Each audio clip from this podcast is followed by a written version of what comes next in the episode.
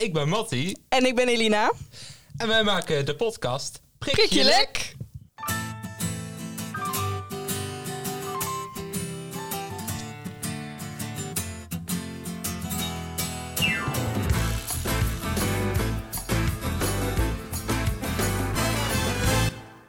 Dus zit je even in de trein en heb je niet goed voorbereid voor de lessen van afgelopen week. En wil je toch een beetje weten waar het over gaat? Luister dan naar deze podcast. Ja, nou, daar hebben wij deze podcast van gemaakt. En we gaan het over lesonderwerpen hebben. Maar we beginnen met actualiteit. Ehm, inschrijven voor de toetsen moet je absoluut niet vergeten, want dan mag je natuurlijk niet meedoen. Dus dat kan nog tot en met 19 september. Dus wees er snel bij. Vergeet het niet, inderdaad. En er is ook eh, een nieuwe buslijn richting eh Fontis TF. En dat is buslijn 603. En die gaat om twee andere tijden. Dus dan kan je die pakken als, je, als het te druk is bij de bus. Yes. En eh daar is dit schooljaar gewoon iets van wat wij vorig schooljaar helemaal niet nee, hebben nee, meegemaakt. inderdaad. De kantine is weer open. Ja. Nou, dat vond ik echt goed nieuws. Ik heb meteen heel die kantine leeggekocht. Ja, vandaag ik ook hoor. Ja. En eh, er is een eh, sociaal, eh, sociale media van het Fontes Verpleegkunde op Instagram. Maar nog veel belangrijker is Mhm. natuurlijk onze eigen pagina op Instagram. Het prikjelek, laagstreepje, de podcast. Ja, volg ons allemaal. En ja, als je dus vragen hebt of opmerkingen of wij hebben iets fout verteld, want dat kan natuurlijk ook gebeuren, Mhm. dan kun je ons gewoon DM'en en dan behandelen wij dit de volgende week. Oké, we beginnen dan eh, waar deze periode helemaal over gaat. En dat gaat over de samenwerkende verpleegkundigen. En eh, over kern ASC gaat het over eh, slecht nieuws, slash klachtgesprek. En we gaan het over co-creatie hebben, palliatieve zorg.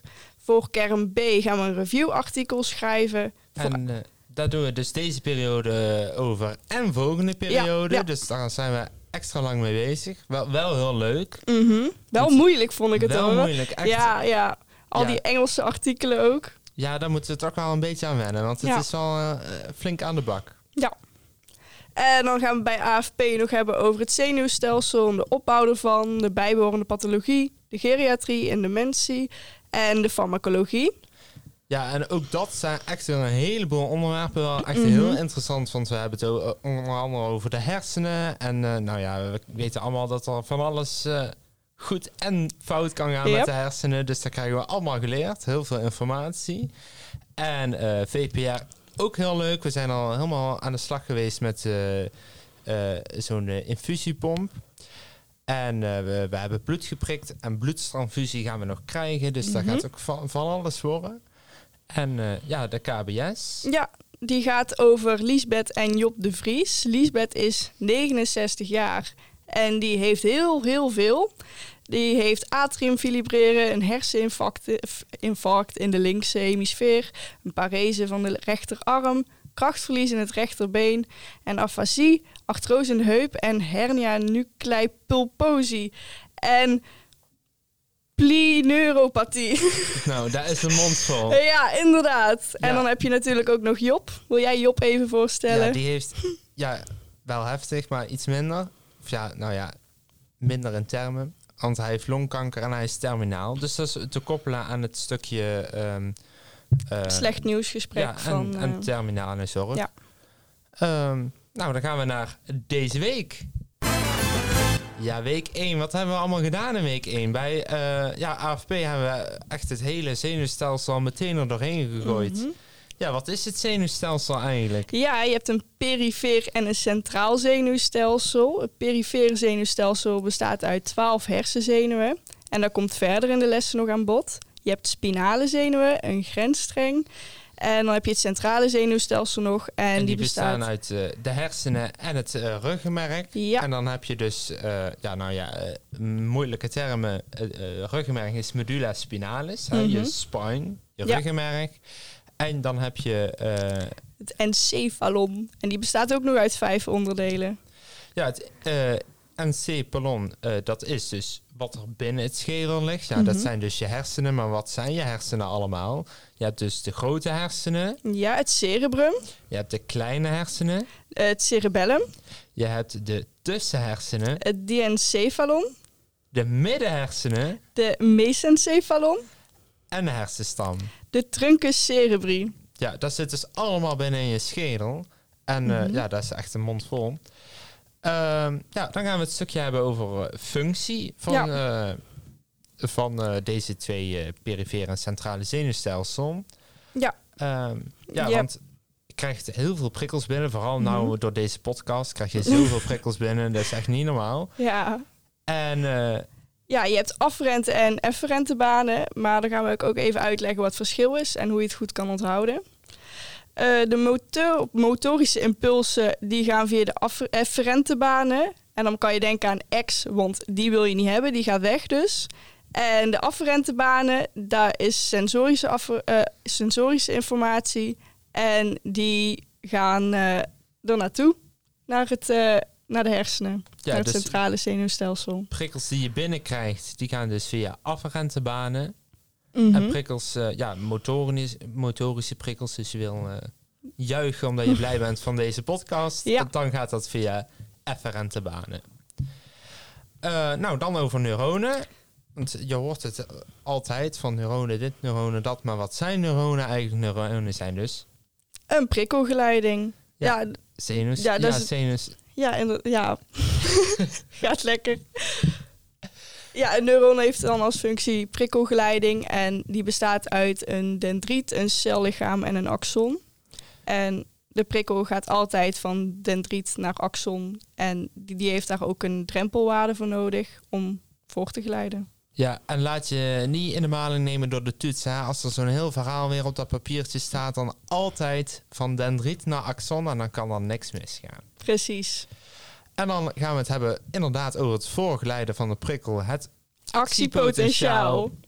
Ja, dat is een heel verhaal. Ik weet ook dat ik het uit moest leggen in de klas en dat ging een beetje verkeerd. Maar eh, nu gaan we het eh, voor het echt goed proberen. Ja, ehm, nou, eh, we hebben het dus over even termen die we uit willen leggen. We hebben intracellulair, dus binnen de cel. En extracellulair is buiten de cel. En dan heb je het in, hoe, inter- Interstitium. Ja, dat is dus eigenlijk tussen cellen. Ja. Dus, ehm, en ehm, ja, je hebt allemaal ionen. Dus het heeft echt met... eh, want het is eigenlijk elektriciteit. Hè? Prikkels zijn elektriciteit. Mhm. Dus je hebt het eh, met ionen te maken. Net als een batteri- batterij. Heeft Ja. ook een negatief en een positieve pool. En eh, ja, binnen een cel heb je dus een... eh, ja, is de cel negatief? Waarom Mhm. is die cel negatief? Zit die vol met negatieve ionen? Maar wel vol met negativiteit.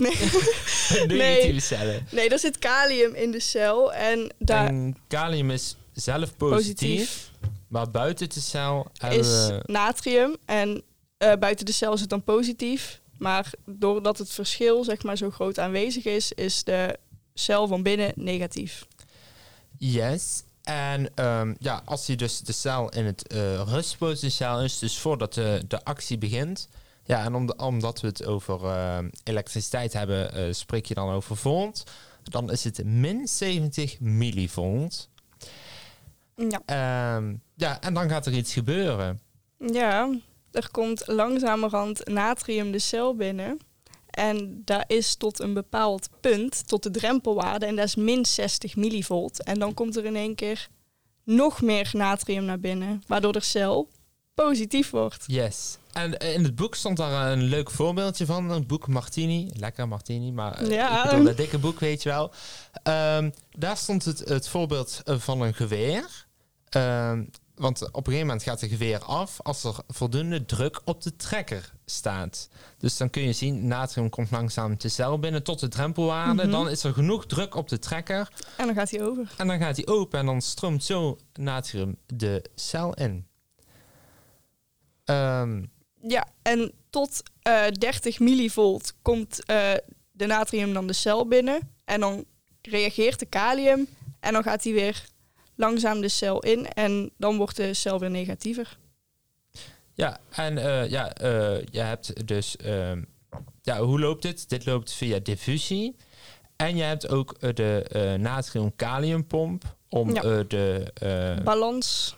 Ja, weer te herstellen. Dus de natrium die de, eh, die de cel in is gegaan, die gaat er dan weer uit. En de kalium die de cel uit is gegaan, die gaat er weer in totdat het weer eh, in balans is. Ja. Inderdaad. Ehm, ja, wat heeft het nou met prikkelgeleiding te maken? Dus die cel is positief geworden.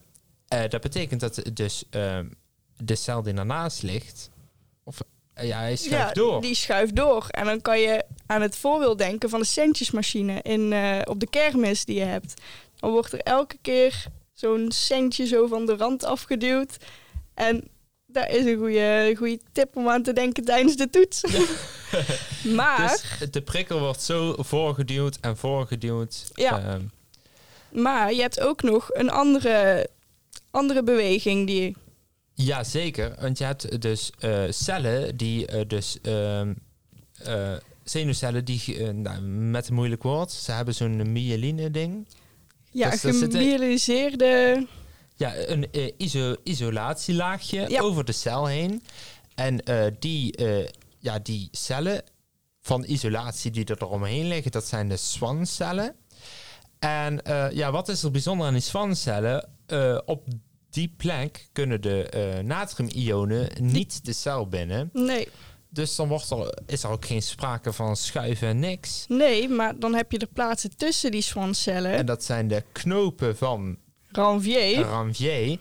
En ehm, ja, wat gebeurt er dus? Dus op die eh, punten kunnen eh natriumionen wel de cel binnen. Dus die stapelen op. En ja, ze moeten ergens naartoe. Dus ze springen eigenlijk. Dat is een, nou komt het moeilijk woord, Ja. saltatorische beweging. Nee, netjes. Gaan ze van, eh, ja, dus eigenlijk tussen die eh eh, Schwann-cellen door. eh, van de ene knoop van Ranvier naar de volgende. Mhm. En zo heb je een veel snellere beweging. Want deze kan tot... Hoeveel? 100 meter per seconde Ja, was het volgens mij. Echt snel. Dat is echt heel snel. Dus dat is veel sneller dan van de centjesmachine Ja. effect. Ik krijg ook nooit die centjes hè, als ik dat doe. Ja, je kunt er maar centjes in blijven. Die, gelukkig werkt het in het lichaam eh, anders. Ja. Ehm, Dan gaan we door naar het volgende. yes, tot zover AFP van de eerste week. Nou, dat was een mond vol. Ja. Eh, nou, een VPR. Wat hebben we gedaan? Ja, de eerste week hebben we een eh infuuszak aangesloten aan de pomp en al. Ja, als je een verpleegkundige in het ziekenhuis zi- dat ziet doen, dan lijkt het allemaal heel makkelijk. Maar Mm. ga er zelf maar eens aan beginnen. Het Ja. was echt heel, heel ges, eh, gesjungel met dat ding. Ja. Ja. en overal water op de vloer natuurlijk. ja, ik had die zak niet omgedraaid toen ik eh, die pin eruit haalde. Dus eh, het lag helemaal vol. ja, en toen ging die pomp ook nog tien keer af toen hij eindelijk goed ja, zat. al die alarmen. Dus het is even een moment van rust wat je moet nemen voor de toets begint. ja, Want het is wel echt, eh, ja, je moet even voorkomen dat het alarm afgaat. Maar in principe is de handeling niet zo heel moeilijk als je hem onder de knie hebt. Ja, je moet het even weten. Ook die druppelteller moet je goed neer kunnen zetten. Want eh, anders doet hij het ook niet. Kom je ook niet heel erg ver. Maar dat komt allemaal wel goed. Ja, en een sommetje maken erbij. Ja. Eh, zullen we, volgende week komen wij met een vraag. En dan eh, kunnen jullie in de DM's eh, de som oplossen. En dan gaan we de week daarna eh, bespreken hoe die gaat. Dat vind ik een goed idee. Yes, want ik heb zo even geen sommetje bij de ik hand. ook niet. Dus dan Nee. komen we daar volgende week bij terug. En we gaan naar Kern. Yes, eh Kern, even iets anders. We hebben dus eh, over ja, zorgsamenwerking in zorg. Want het Mhm. thema van deze periode is de samenwerkende verpleegkunde. En een begrip dat erbij hoort is co-creatie. En dat is een vorm van samenwerking waarbij alle deelnemers invloed hebben op het proces en resultaat. Ook een hele mond vol. Maar En ja, en welke deelnemers kunnen we dan aan denken? eh, fysiotherapeut, huisarts, verpleegkundige natuurlijk. En ja, natuurlijk ook de patiënt dan. Ja. En eh, we hebben vorig jaar al termen gehad die hier mee te maken hebben. Namelijk eh, intra, eh, Semi. semi, trans en extramuraal. Mhm. Wat waren ze ook alweer? Intramuraal, dat is Binnen de muren. juist dus ziekenhuiszorg. Semimuraal is ja, half tussen de muren. dus bijvoorbeeld dagbesteding. Ja, transmuraal is over de muur heen. Dus dat is bijvoorbeeld als iemand eh, ja, eh, ziekenhuiszorg thuis krijgt, denk ik dan. Dus bijvoorbeeld Ja, eh, volgens mij was er ook chemotherapie die je dan thuis kon krijgen. een thuisdialyse, denk ik dan ook. Ja, ja, Ja, misschien nou. als je dat ook niet zelf kan doen, dat er als er een hulp bij komt kijken, dat het zo dan is. En dan heb je nog extramuraal, dus dat is... Buiten de muren. En dat is dan thuiszorg, denk ik dan. Ja, ja, ja. Als het goed is wel, ja. Als het goed is wel. Alles deed aan ons. En ja, dan moet je het even zeggen of we het fout hebben. Dan, eh, dan komen we daar volgende week op terug. En dan hebben we het eh, gehad daarnaast over de begrippen van co- en multimobiliteit. Ehm, ja, wat is comorbiditeit? Comorbiditeit is wanneer er meerdere aandoeningen gerelateerd zijn aan een chronische ziekte, zoals ondervoeding bij kanker. En multimobiliteit is... Wanneer er meerdere chronische ziekten tegelijkertijd aanwezig zijn, zoals diabetes en hart- en vaatziekten. Maar deze hoeven niet gerelateerd aan elkaar te zijn. Zo, nou, eh, eigenlijk was dit eh, de, eh, de eerste week. De Ja, lesstoffen ja. zijn er doorheen. En dan gaan we nu naar de vraag van de week. Ja, Dat is een vraag voor een expert.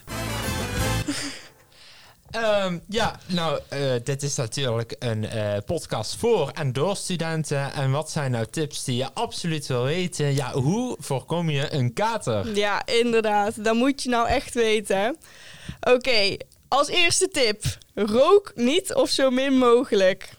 Want als je tijdens het roken drinkt, dan, ja, dan gaat het helemaal fout. Daar heeft ook eh, nicotine heeft geen goede reactie op het zenuwstelsel.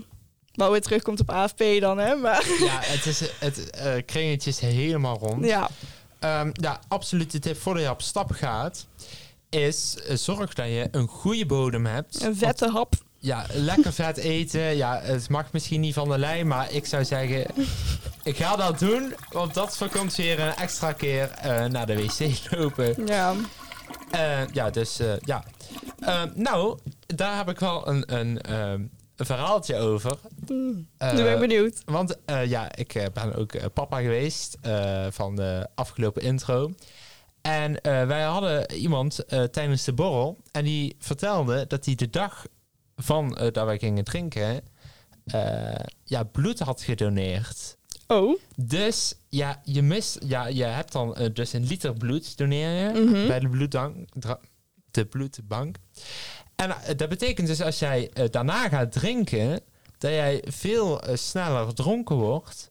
Om, Oeh. ja, dus dat is een het- goedkope tip om dronken te worden. het is goedkoop, maar het is niet helemaal verantwoord. nee, Ja, ja. Dus let erop. Maar bloed doneren is wel een goed ding. Ja. Dat is even, ja. Dat wel.